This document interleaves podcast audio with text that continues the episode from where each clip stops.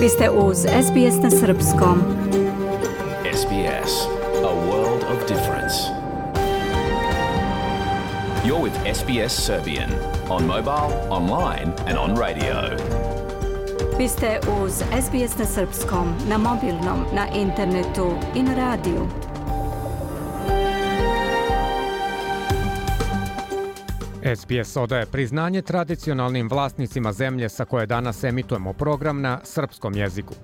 Ovim izražavamo poštovanje prema narodu Vurunđeri Voj Vurung, pripadnicima nacije Kulin i njihovim prošlim i sadašnjim starešinama. Takođe odajemo priznanje tradicionalnim vlasnicima zemlje iz svih aboriđanskih naroda i naroda sa ostrva iz Toresovog Moreuza, na čijoj zemlji slušate naš program. Dobar dan, dragi slušaoci. Danas je četvrtak, 21. septembar 2023. godine. Ja sam Zoran Subić. U današnjem programu niz zanimljivih i aktuelnih tema. Australija će dati milione dolara Svetskoj nuklearnoj agenciji za nadziranje zbog nastavka ispuštanja otpadnih voda u okean od strane Japana.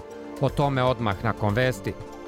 U Australiji će se 14. oktobra održati referendum na kome će se Australijanci izjasniti o tome da li odobravaju izmenu ustava kako bi se uvelo savetodavno telo autoktonih naroda pri parlamentu. Nataša Kampmark je pripremila taj prilog.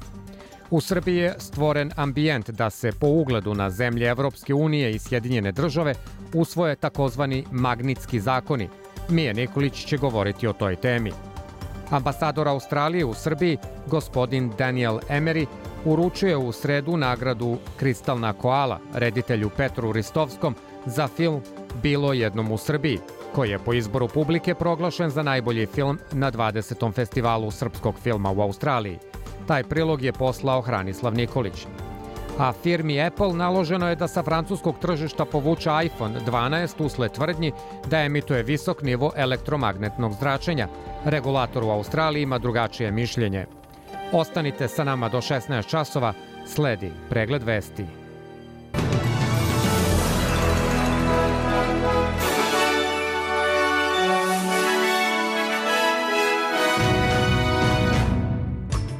Australijske velike četiri banke su upozorile na rizik sajber bezbednosti i veće troškove života ukoliko moraju mandatima da ostave regionalne banke otvorenim.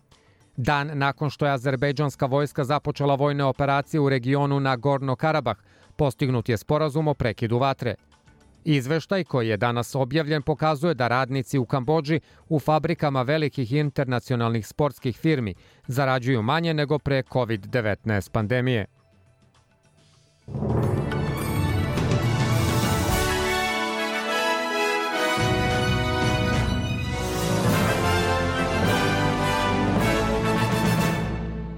Partija Zelenih Viktorije je kritikovala plan Andrews vlade da sruši 4, 44 zgrade sa stanovima, govoreći da to može da znači kraj stanovima u državnom vlasništvu u Viktoriji. Premijer Daniel Andrews je juče objavio predloženi plan za obnovu ovih zgrada kao deo reforme stanovanja, uključujući i taksu na kratkoročno izdavanje smeštaja i planove za izgradnju 800.000 novih kuća u sledećoj deceniji. Lider partije Zelenih u Viktoriji, Samantha Ratnam, je pozvala vladu da izgradi 100.000 stanova u državnom vlasništvu umesto privatno kontrolisanog smeštaja. Kažete je to bio model za prethodne obnove. Ministar Zelenih za Melbourne, Ellen Sandel, kaže da su neki od njenih pripadnika iz izborne jedinice koji žive u ovim stanovima zabrinuti što će te zgrade biti srušene bez obaveze da se nove izgrade kao deo državnog stanovanja. If Labor demolishes all of these public housing towers and allows them to be replaced with expensive private apartments. Ako laburisti sruše sve te zgrade u državnom vlasništvu i dozvoli da budu zamenjene sa skupim privatnim stanovima i malim brojem stanova u državnom vlasništvu, to može značiti kraj državnom stanovanju u ovoj državi i stanovnici su veoma zabrinuti zbog toga. Australijske velike četiri banke su upozorile na rizik sajber bezbednosti i veće troškove života ukoliko moraju mandatima da ostave regionalne banke otvorenim.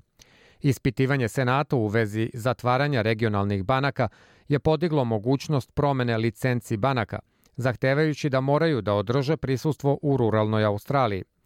Glavna osoba u Australijskoj asocijaciji banaka, Ana Blaj, je rekla parlamentu u Kamberi da bi banke morale da preusmere novac sa kritičnih tehnologija ako budu morali da održe ove banke otvorenim. Generalni direktor Australijske i Novozelandske banke Shane Elliot je odbio navode da je samo izda, data iza odluke da se zatvore banke koje pružaju osnovne uloge zajednicama i malim biznisima. It's not a formula that we run through a machine and computer says shut the branch. I mean, To nije formula koju stavimo u mašinu i kompjuter kaže zatvori banku. Naravno da dobijemo podatke ko je u banci, šta rade, o čemu govore, koliko traje i sve to razmotrimo. I mi obavimo konsultacije. Možda nije to prava reč, ali to uradimo u diskusiji sa našim ljudima. Dan nakon što je azerbejdžanska vojska započela vojne operacije u regionu na Gorno Karabah, postignut je sporazum o prekidu vatre sa jermenskom stranom, uz posredovanje ruskih mirovnih snaga. Jermenska strana je prihvatila predlog ruske mirovne misije o prekidu vatre, a dogovorom je predviđeno povlačenje jermenskih vojnih jedinica i opreme iz Nagorno Karabaha, kao i razoružavanje lokalnih odbrambenih snaga. Premijer Jermenije Nikol Pašinjan je juče rekao da njegova vlada, koja nije vojno intervenisala, nije učestvovala u pisanju sporazuma koji poziva na razgovore o budućnosti regiona. Of course, we familiarized ourselves with the text of the agreement.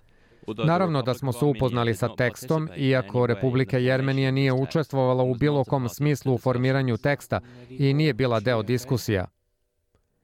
U Njujorku se održava sednica Saveta bezbednosti Ujedinjenih nacija, a glavna tema ponovo je Ukrajina.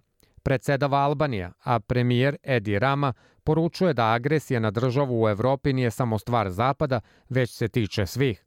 Dužnost je, kaže Edi Rama, da se pomogne Ukrajini na sve načine. Na sednici je prvi put od početka rata ukrajinski predsednik Volodimir Zelenski, a iako je sedište Ujedinjenih nacija stigao ruski šef diplomatije Sergej Lavrov, Rusiju na zasedanju zastupa stalni predstavnik te zemlje. Ruski ambasador Nebenzija pita zašto je u sali Zelenski i zašto je prvi govornik.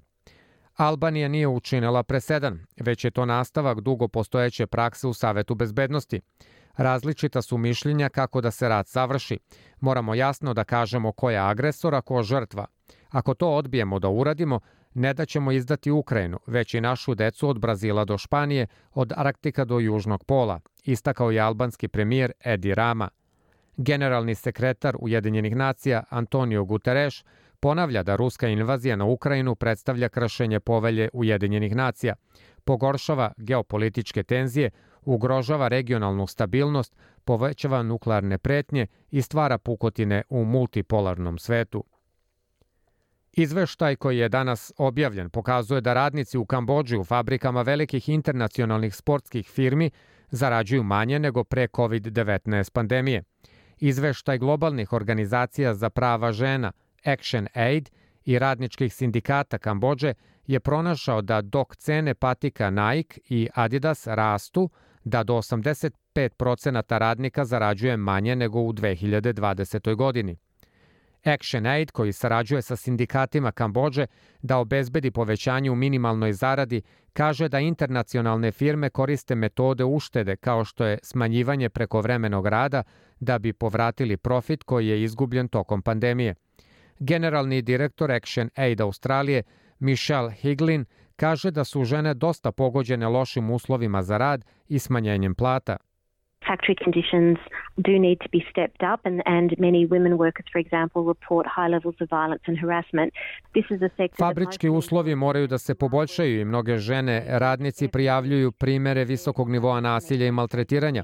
Ovo je sektor koji uglavnom zapošljava žene, koje rade šest dana nedeljno svake nedelje i ipak ne mogu da priušte osnovne stvari kao hranu, kiriju, čak i sposobnost da obrazuju svoju decu.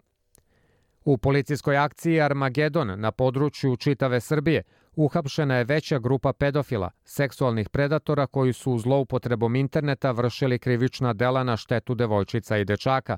Među žrtvama su i deca starosti od 3 do 14 godina.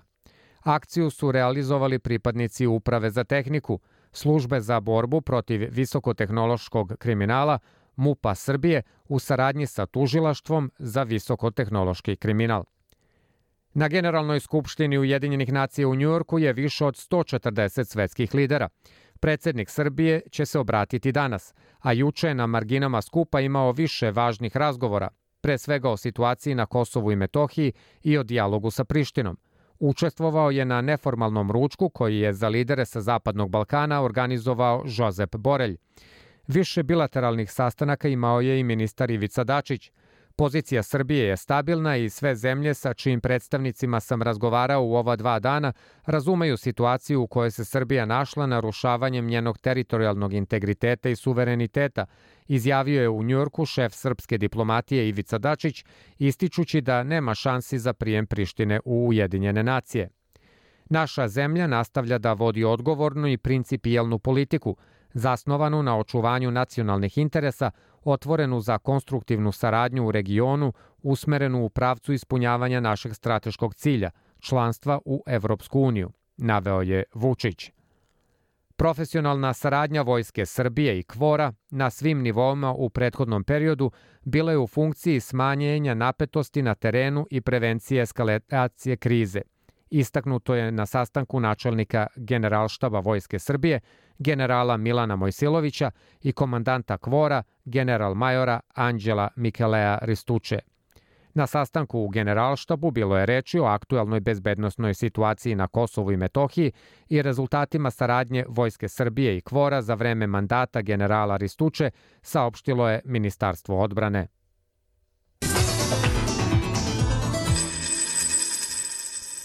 Jedan australijski dolar na svetskom ekonomskom tržištu danas vredi 0,64 američka dolara, 0,60 evra, 0,52 britanske funte, 0,58 švajcarskih franaka i 70,85 srpskih dinara.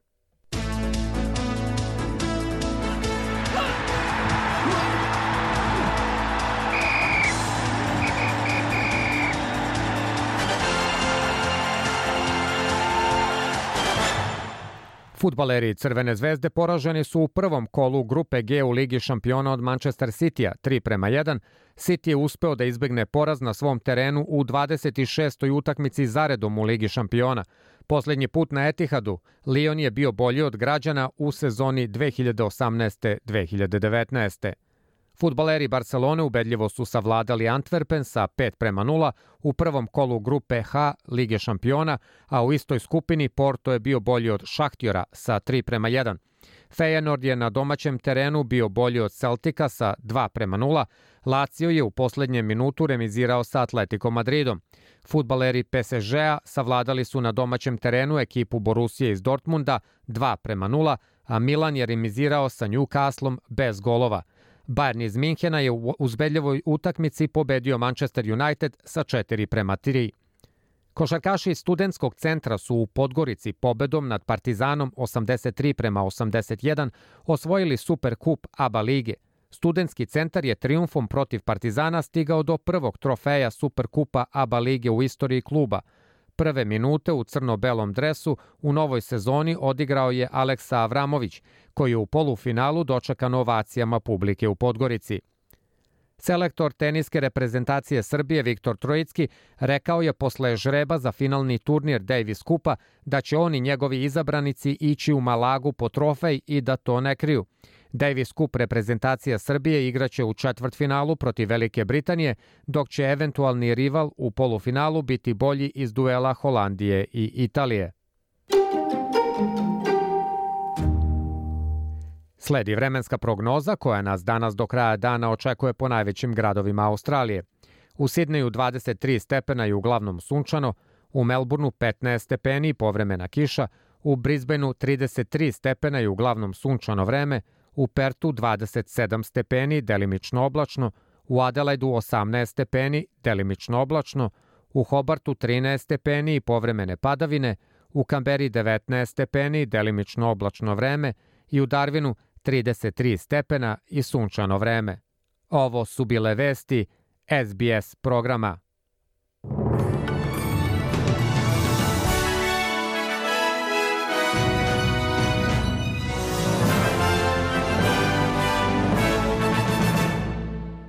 Vi slušate SBS program na srpskom jeziku Tačno je 15 časova i 16 minuta. Ja sam Zoran Subić. Australija će dati milione dolara Svetskoj nuklearnoj agenciji za nadziranje zbog nastavka ispuštanja otpadnih voda u okean od strane Japana. Japan je započeo kontraverznost u regionu time što je počeo da ispušta tretiranu nuklearnu otpadnu vodu u Pacifik i time podelio regionalne lidere po pitanju bezbednosti ovog poteza. Debra Grork iz SBS News izveštava o ovoj temi.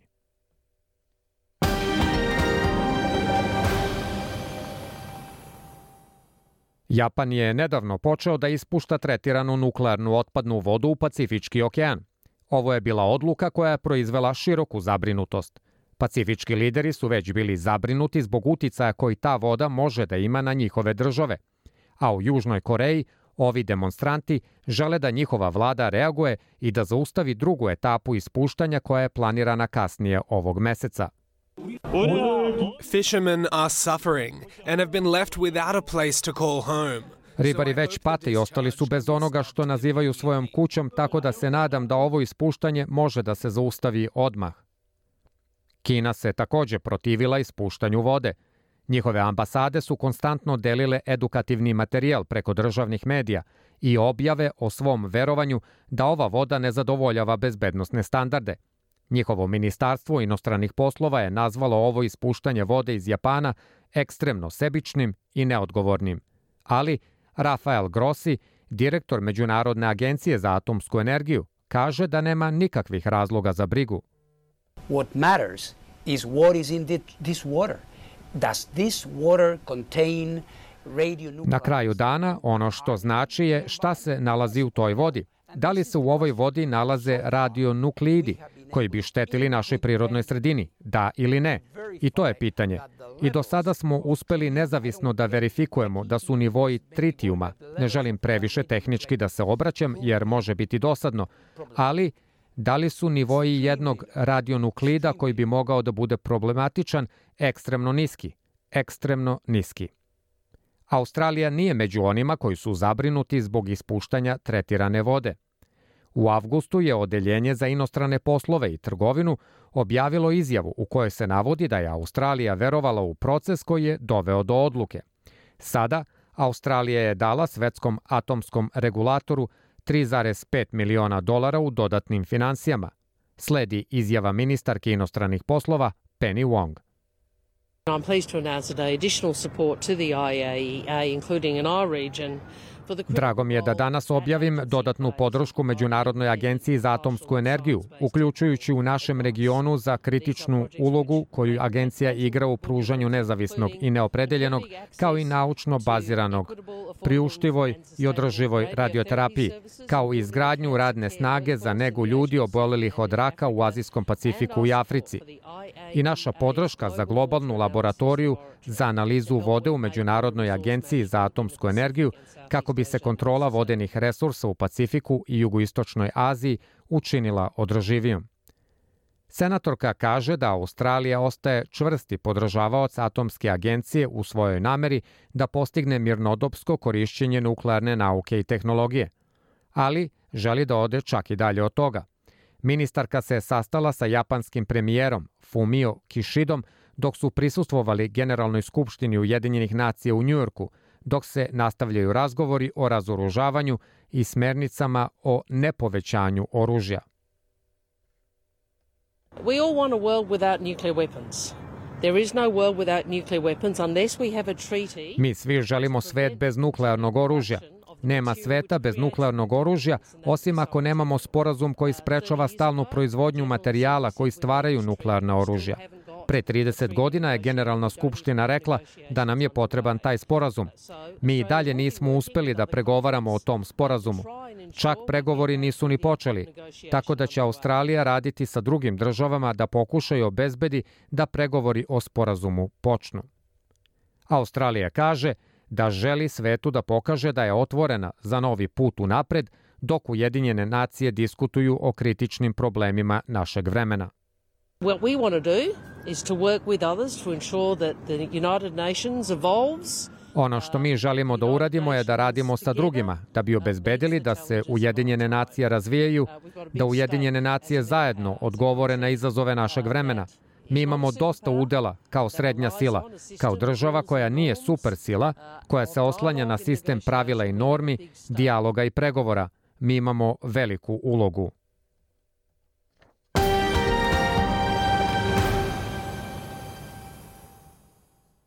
Vi slušate SBS program na srpskom jeziku. Tačno je 15 časova i 22 minute.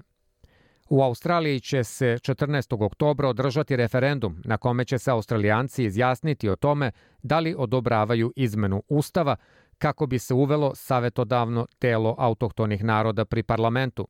Svi državljani Australije stariji od 18 godina imaju pravo i obavezu da glasaju na referendumu. Pitali smo članove zajednice šta misle o referendumu i kako će glasati. Prilog pripremila Nataša Kamp-Mark. Vi ste uz SBS na Srpskom. Povodom predstojećeg referenduma o glasu autohtonih naroda pri parlamentu, SBS je razgovarao sa članovima zajednice kako bismo saznali da li su ljudi čuli o referendumu, da li su dobro informisani, kakva pitanja imaju i čime će se rukovoditi pri donošenju odluke. Za neke je referendum prilika da se autohtoni narodi priznaju kao vlasnici zemlje. Što se tiče ovog pitanja, ja, ja podržavam, ja sam za i glasat ću za. Razlog je taj što mislim da e, je to bar jedan prvi korak da se prepozna da su aboriđini u stvari vlasnici ove zemlje ili ovog kontinenta i to je bar, bar najmanje što može da se učini za njih jer su oni e, jedna grupa koj, koja je vrlo e, diskriminisana. Mislim da je ovo jako dobra inicijativa.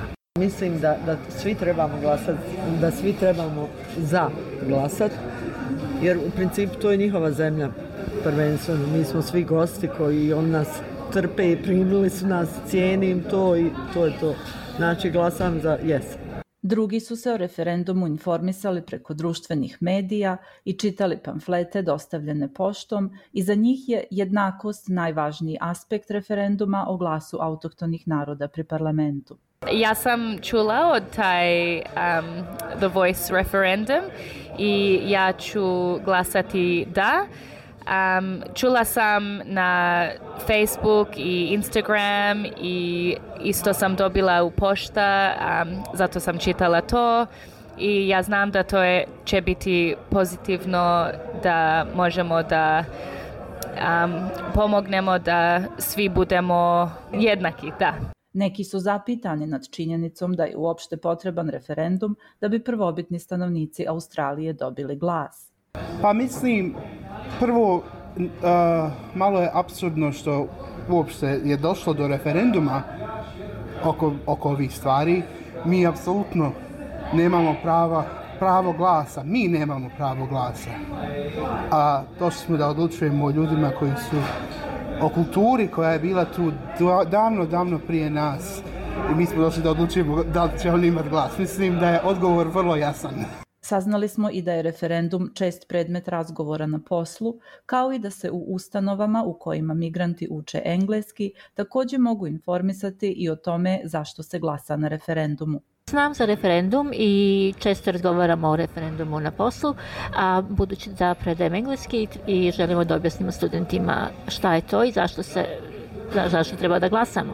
A ja ću naravno da glasam za, dakle da se a, dozvoli a, aboriđinima da a, imaju svoj glas u parlamentu i da se promijeni ustav države kako bi se ta, do toga istiglo. A, mislim da je to veoma važno jer a, na, napokon možda, s obzirom na ustav, ipak bi trebalo da se prizna sve ono što se do sad negiralo i nije u stvari priznavalo aboriđinima koji su originalni stanovnici ove, ovog kontinenta.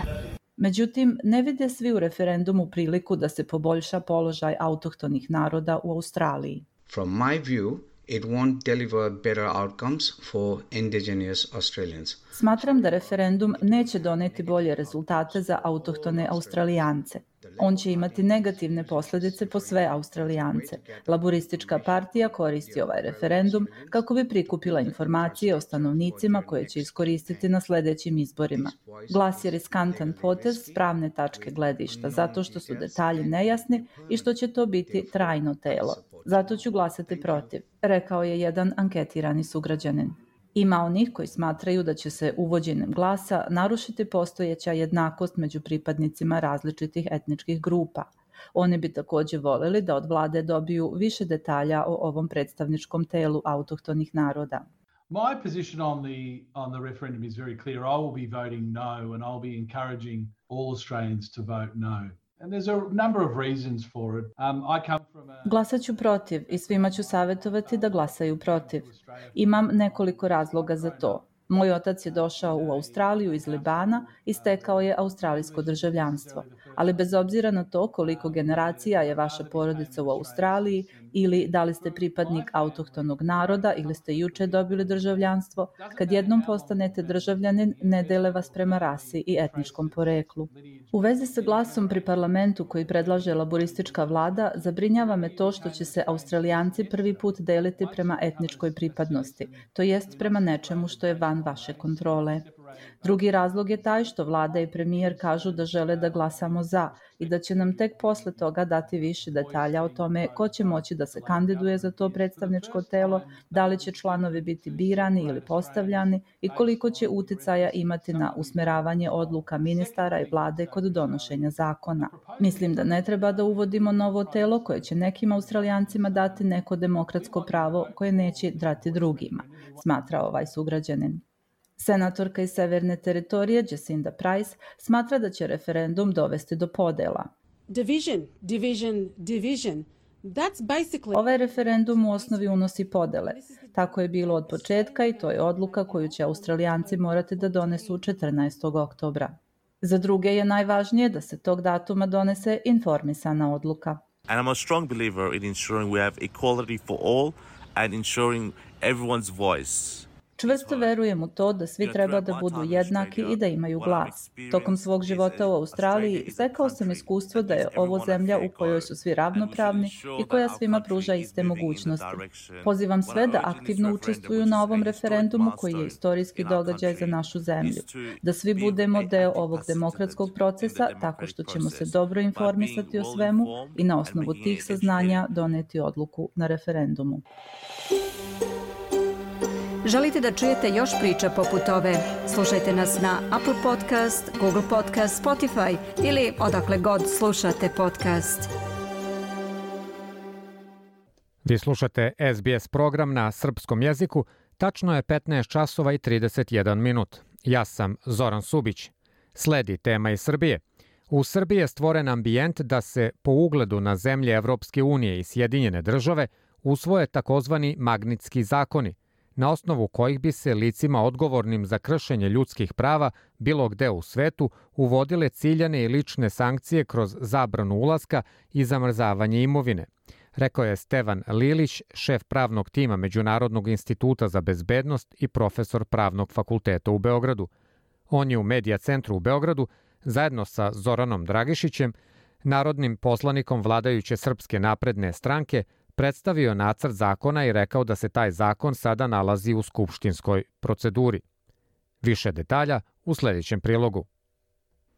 Na liniji imamo Miju Nikolić. Mija, recite nam prvo ko je inicijator ovog zakona, odnosno usvajanja ovog zakona. Inicijator donošenja ovog zakona je Međunarodni institut za bezbednost, a nacrt je izradio pravni tim te nezavisne ekspertske institucije – na čijem e, je čelu profesor dr. Stevan Lilić, koji je u Medija centru zajedno sa svojim kolegom, narodnim poslanikom Zoranom Dragišićem, profesorom, i predstavio predlog zakona. Profesor Lilić je rekao da bi se prema tom zakonu uvodile ciljane i lične sankcije.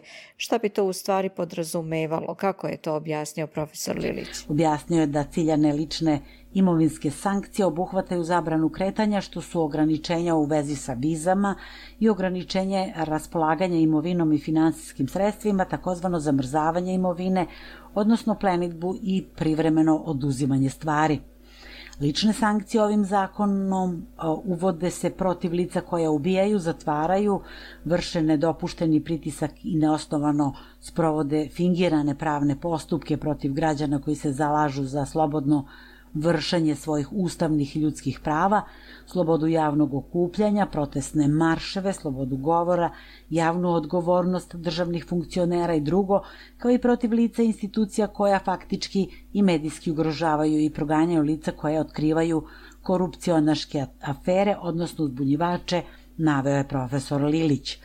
Naglasio je razliku u donošenju takvih sankcija nasuprot onih koje se ustanovljavaju protiv čitavih država i koje pogađaju celokupno stanovništvo i mnoge nedužne građane.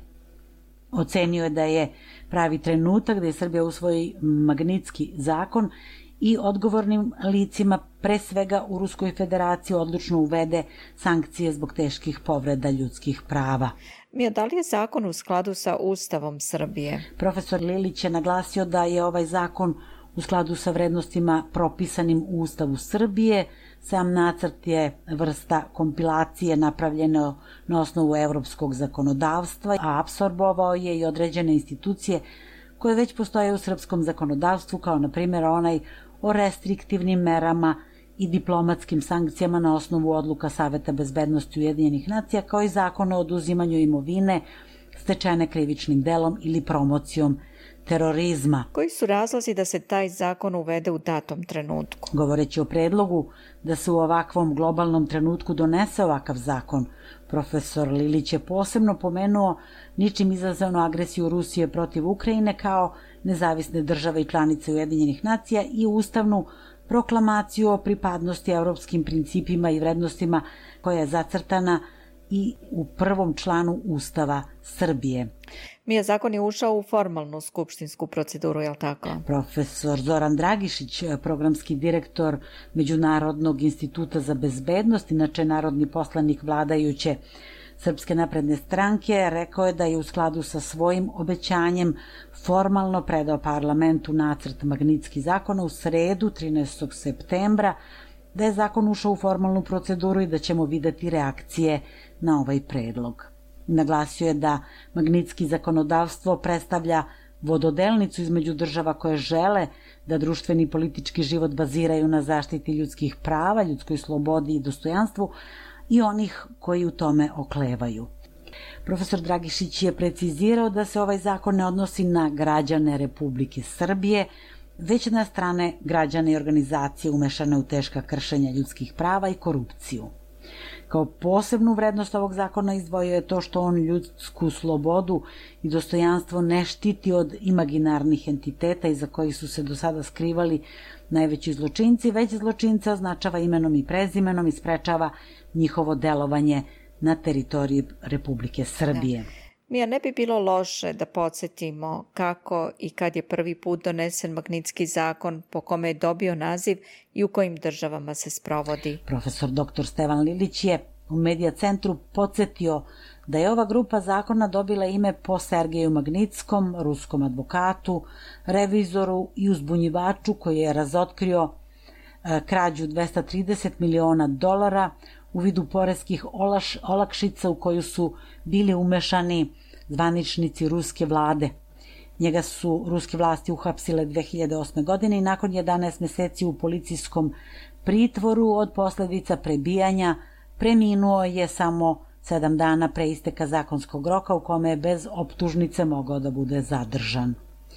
Njegova smrt je izazvala reakcije međunarodne javnosti, pokrenute su istrage o korupciji, krađi i teškim povredama ljudskih prava u Rusiji, reagovali su Savet Evrope i Evropski parlament, a prvi magnitski zakon donet je u Sjedinjenim američkim državama 2012. zahvaljujući angažovanju Bila Braudera, bliskog saradnika u zatvoru ubijenog Sergeja Magnitskog.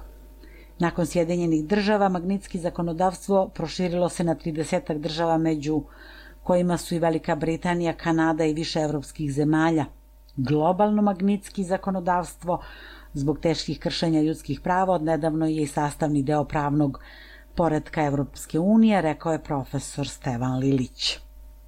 Bill Browder, inicijator i lobista Magnitski zakona, je na preskonferenciji putem video veze rekao da je izuzetno ponosan što se Srbija pridružuje najrazvijenim demokratijama sveta koje imaju Magnitski zakonodavstvo. Na taj način Srbija pokazuje privrženost zaštiti ljudskih prava i sankcionisanju svih onih koji ta prava teško krše koristeći svoje pozicije državne moći, rekao je Bill Browder, povodom ulaska u skupštinsku proceduru srpskog Magnitski zakona.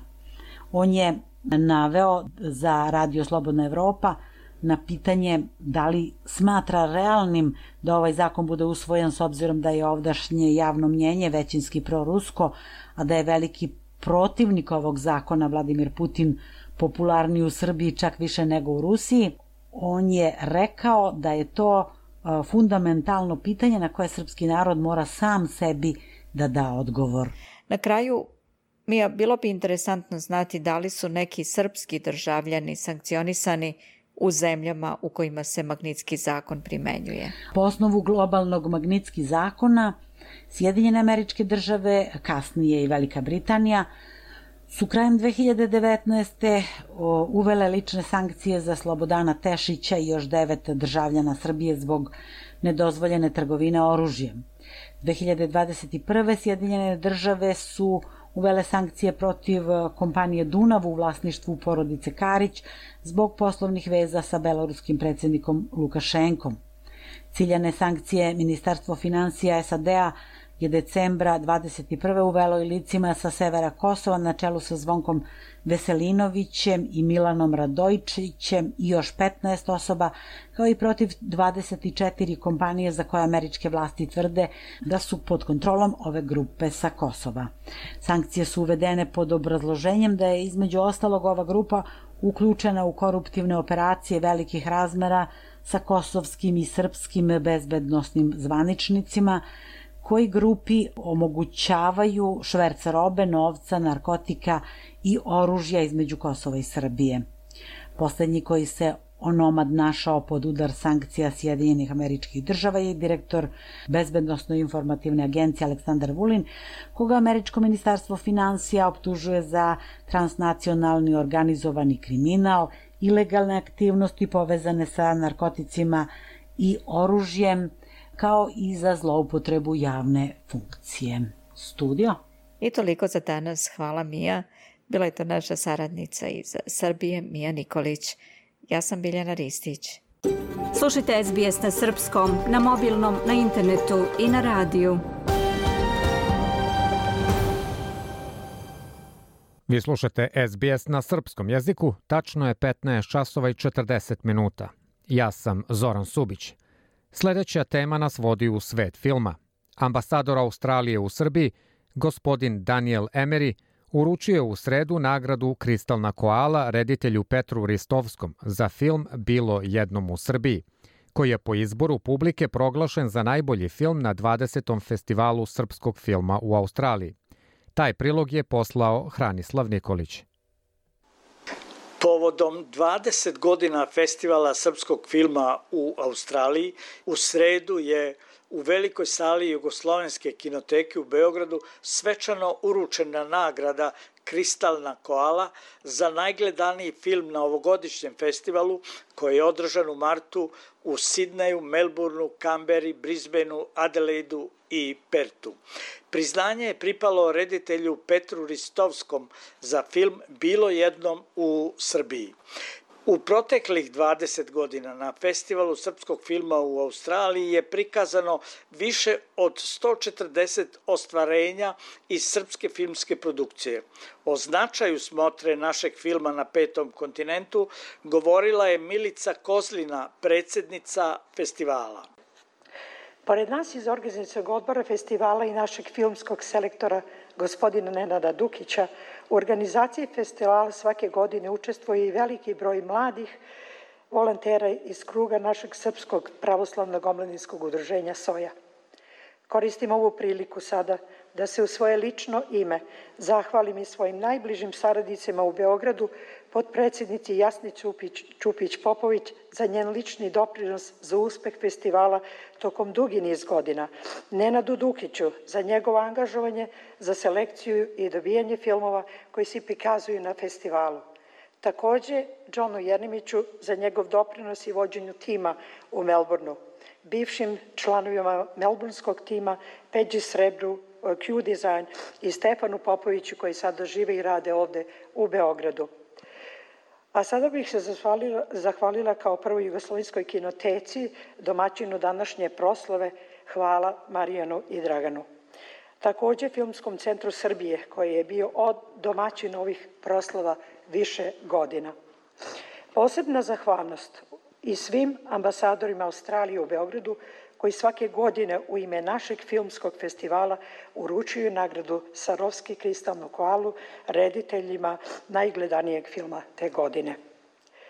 Na ovogodišnjem 20. festivalu srpskog filma u Australiji najgledaniji film je proglašen je film e, Bilo jednom u Srbiji reditelja Petra Ristovskog. U to ime sada bih pozvala njegovu ekscelenciju uh, gospodina Daniel Emery to present this award. Njegova ekscelencija Daniel Emery, ambasador Australije u Beogradu, dodeljujući kristalnu koalu mladom reditelju Ristovskom, je rekao I would like to congratulate Mr. Petar Ristovski for the award for his wonderful film Bilo jednom u Srbiji. Uh, I would also like to congratulate the actors and all the crew for their great work on this outstanding production. The film tells a beautiful and nostalgic story about post World War I times.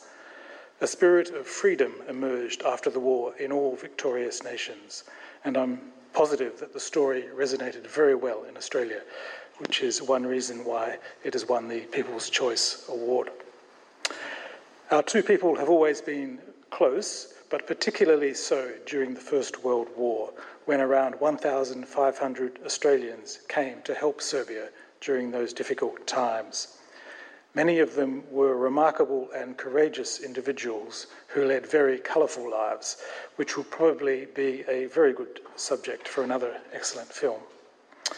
I would also like to congratulate the organisers of the festival and wish them all the best for coming years and look forward to seeing many more winners of the Crystal Koala Award. Thank you. So with that, I have great pleasure in awarding the Crystal Koala to Petar Ristovski. Reditelj Petar Ristovski najpre se zahvalio na nagradi, a potom kazao. E, dobar dan svima.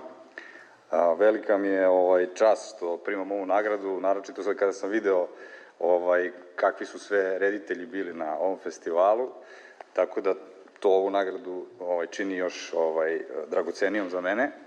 E, Moram da se zahvalim prvo svim ljudima koji već 20 godina prave ovaj festival, e, naročito gospođi Milici koja ovaj, je stvarno, mislim, svojom tom energijom koja proizilazi zajedno iz ljubavi sa njenim mužem, očigledno, i sve ove godine održava ovaj festival.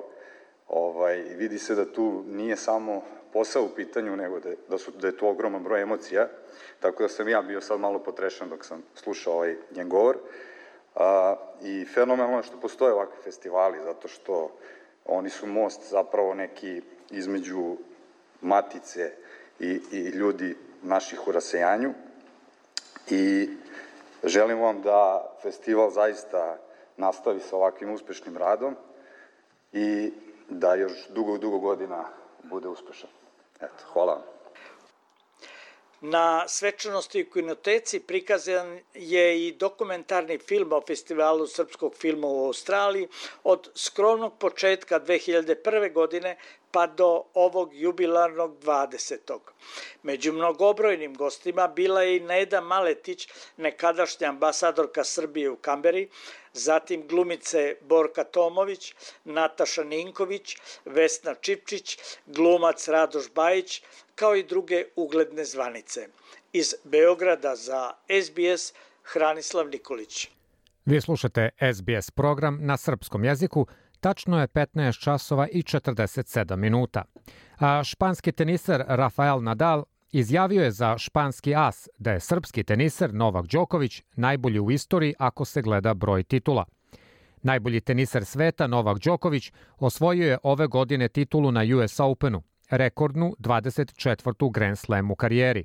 Drugi na listi ostao je Nadal sa 22 osvojene titule. Brojke su brojke.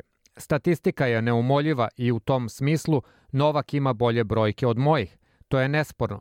Nemam dovoljno veliki ego da bih pokušao da prikrijem stvarnost ili je predstavim drugačijom.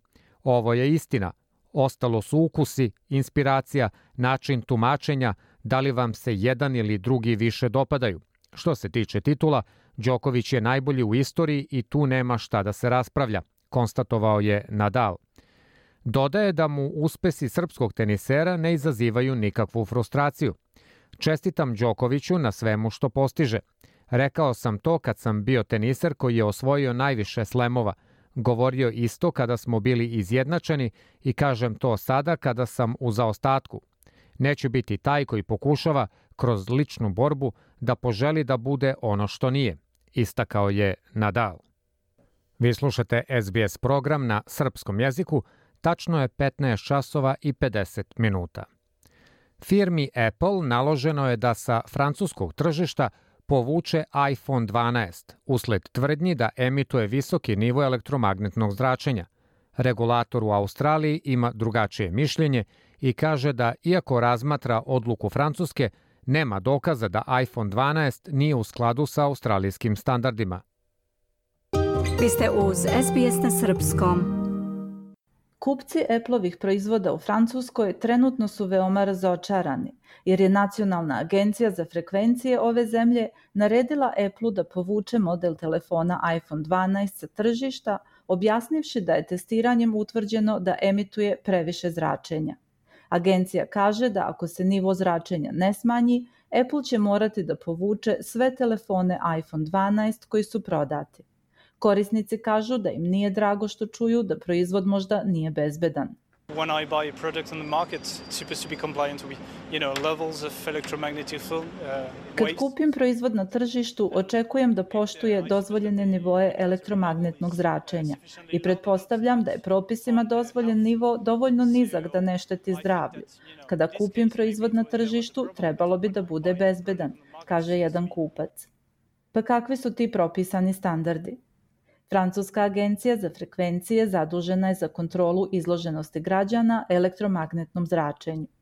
Francuski ministar za digitalna pitanja Jean-Noël Barrot kaže da su rezultati testiranja pokazali da je nivo izloženosti viši od standarda Evropske unije koji iznosi 4 vata po kilogramu. Euh, euh, euh, Apple. The iPhone 12 was controlled, and I'm specifying the iPhone 12 because the iPhone 12 Pro. Kontrolisali smo iPhone 12.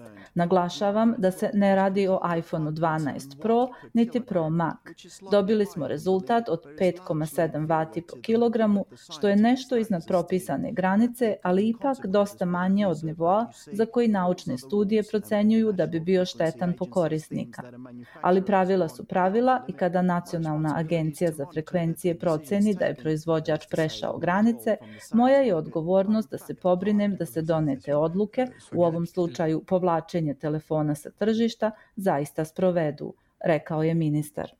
Apple kaže da ne prihvata rezultate ovog testiranja i ističe da je nadležnim organima dostavio rezultate nekoliko različitih laboratorijskih ispitivanja koja je sprovela kako kompanija, tako i treća lica i kojima je utvrđeno da je telefon u skladu sa propisima.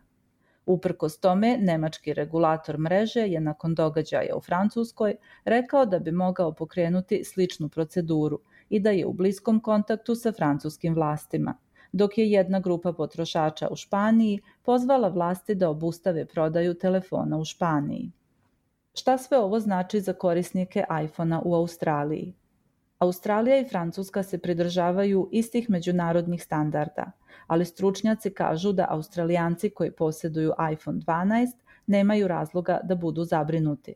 Australijska uprava za komunikacije i medije kaže da je upoznata sa odlukom Francuske i da ispituje korišćenu metodologiju testiranja. Međutim, regulator ističe da ne postoje dokaze da iPhone 12 nije u skladu sa međunarodnim standardom.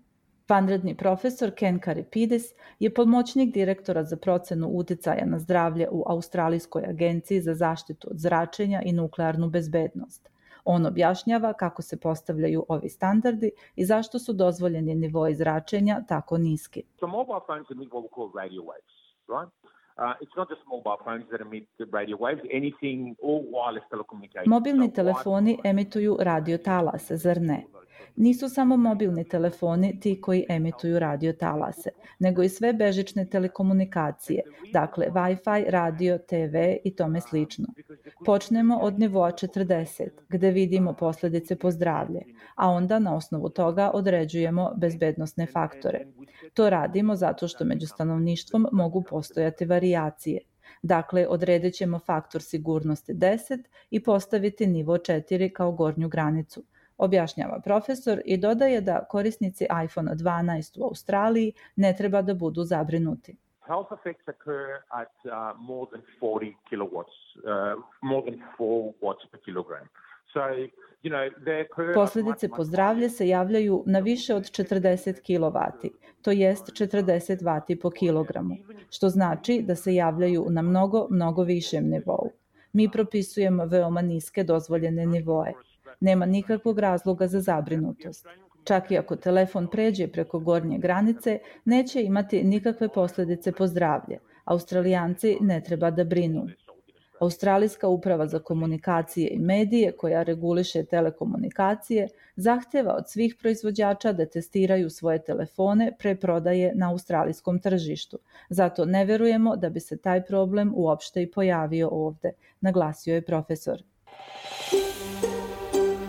Želite da čujete još priča poput ove? Slušajte nas na Apple Podcast, Google Podcast, Spotify ili odakle god slušate podcast. Vi slušate SBS program na srpskom jeziku.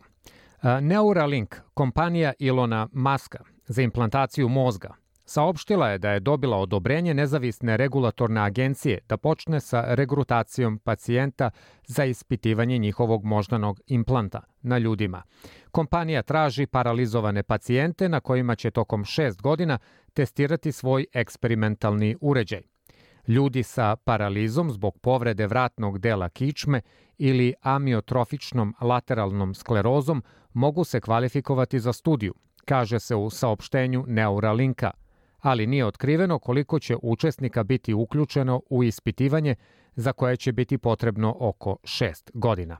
Neuralink je jedna od nekoliko kompanija koje razvijaju interfejs mozak-računar, Brain Computer Interface ili BCI, koji može da prikuplja i analizira moždane signale ali bombastična promocija kompanije od strane milijardera, uključujući obećanja da će razviti sveobuhvatni kompjuter za mozak koji će pomoći ljudima da održe korak sa veštačkom inteligencijom, izazvala je skepticizam i etičku zabrinutost među neurolozima i u naučnoj zajednici. Slušali ste SBS program na srpskom jeziku ovog četvrtka 21. septembra iz Melburna.